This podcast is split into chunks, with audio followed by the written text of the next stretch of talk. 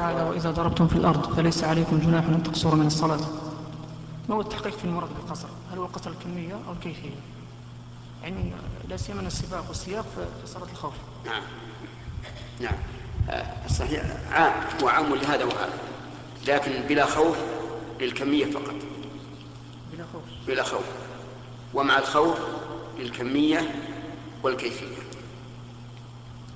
كيف الجواب على حديث عائشة؟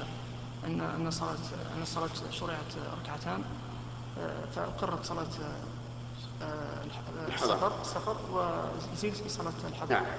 بما أنها بما أنها هي الأصل ركعتان فكيف التعبير فكيف نعبر عنها بالتقصير؟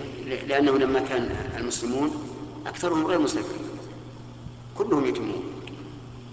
فبين الله عز وجل أنهم إذا سافروا وضربوا في الأرض فليس عليهم جناح أن يقصروا من الصلاة.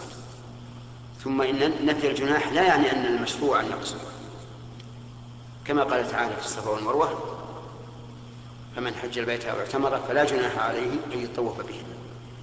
لأنهم كانوا يتحرجون من الطواف بهما فبين لهم أنه لا جناح عليهم عليهم في الطواف بهما ولا والطواف بهما من شعائر الله. كذلك أيضا لا جناح عليكم أن تقصروا من الصلاة لأنهم يتحرجوا من ذلك. فبين الله عز وجل أنه لا جناح. ثم ينظر إلى حكمه فنجد أنه سنة لمواظبة النبي صلى الله عليه وسلم عليه.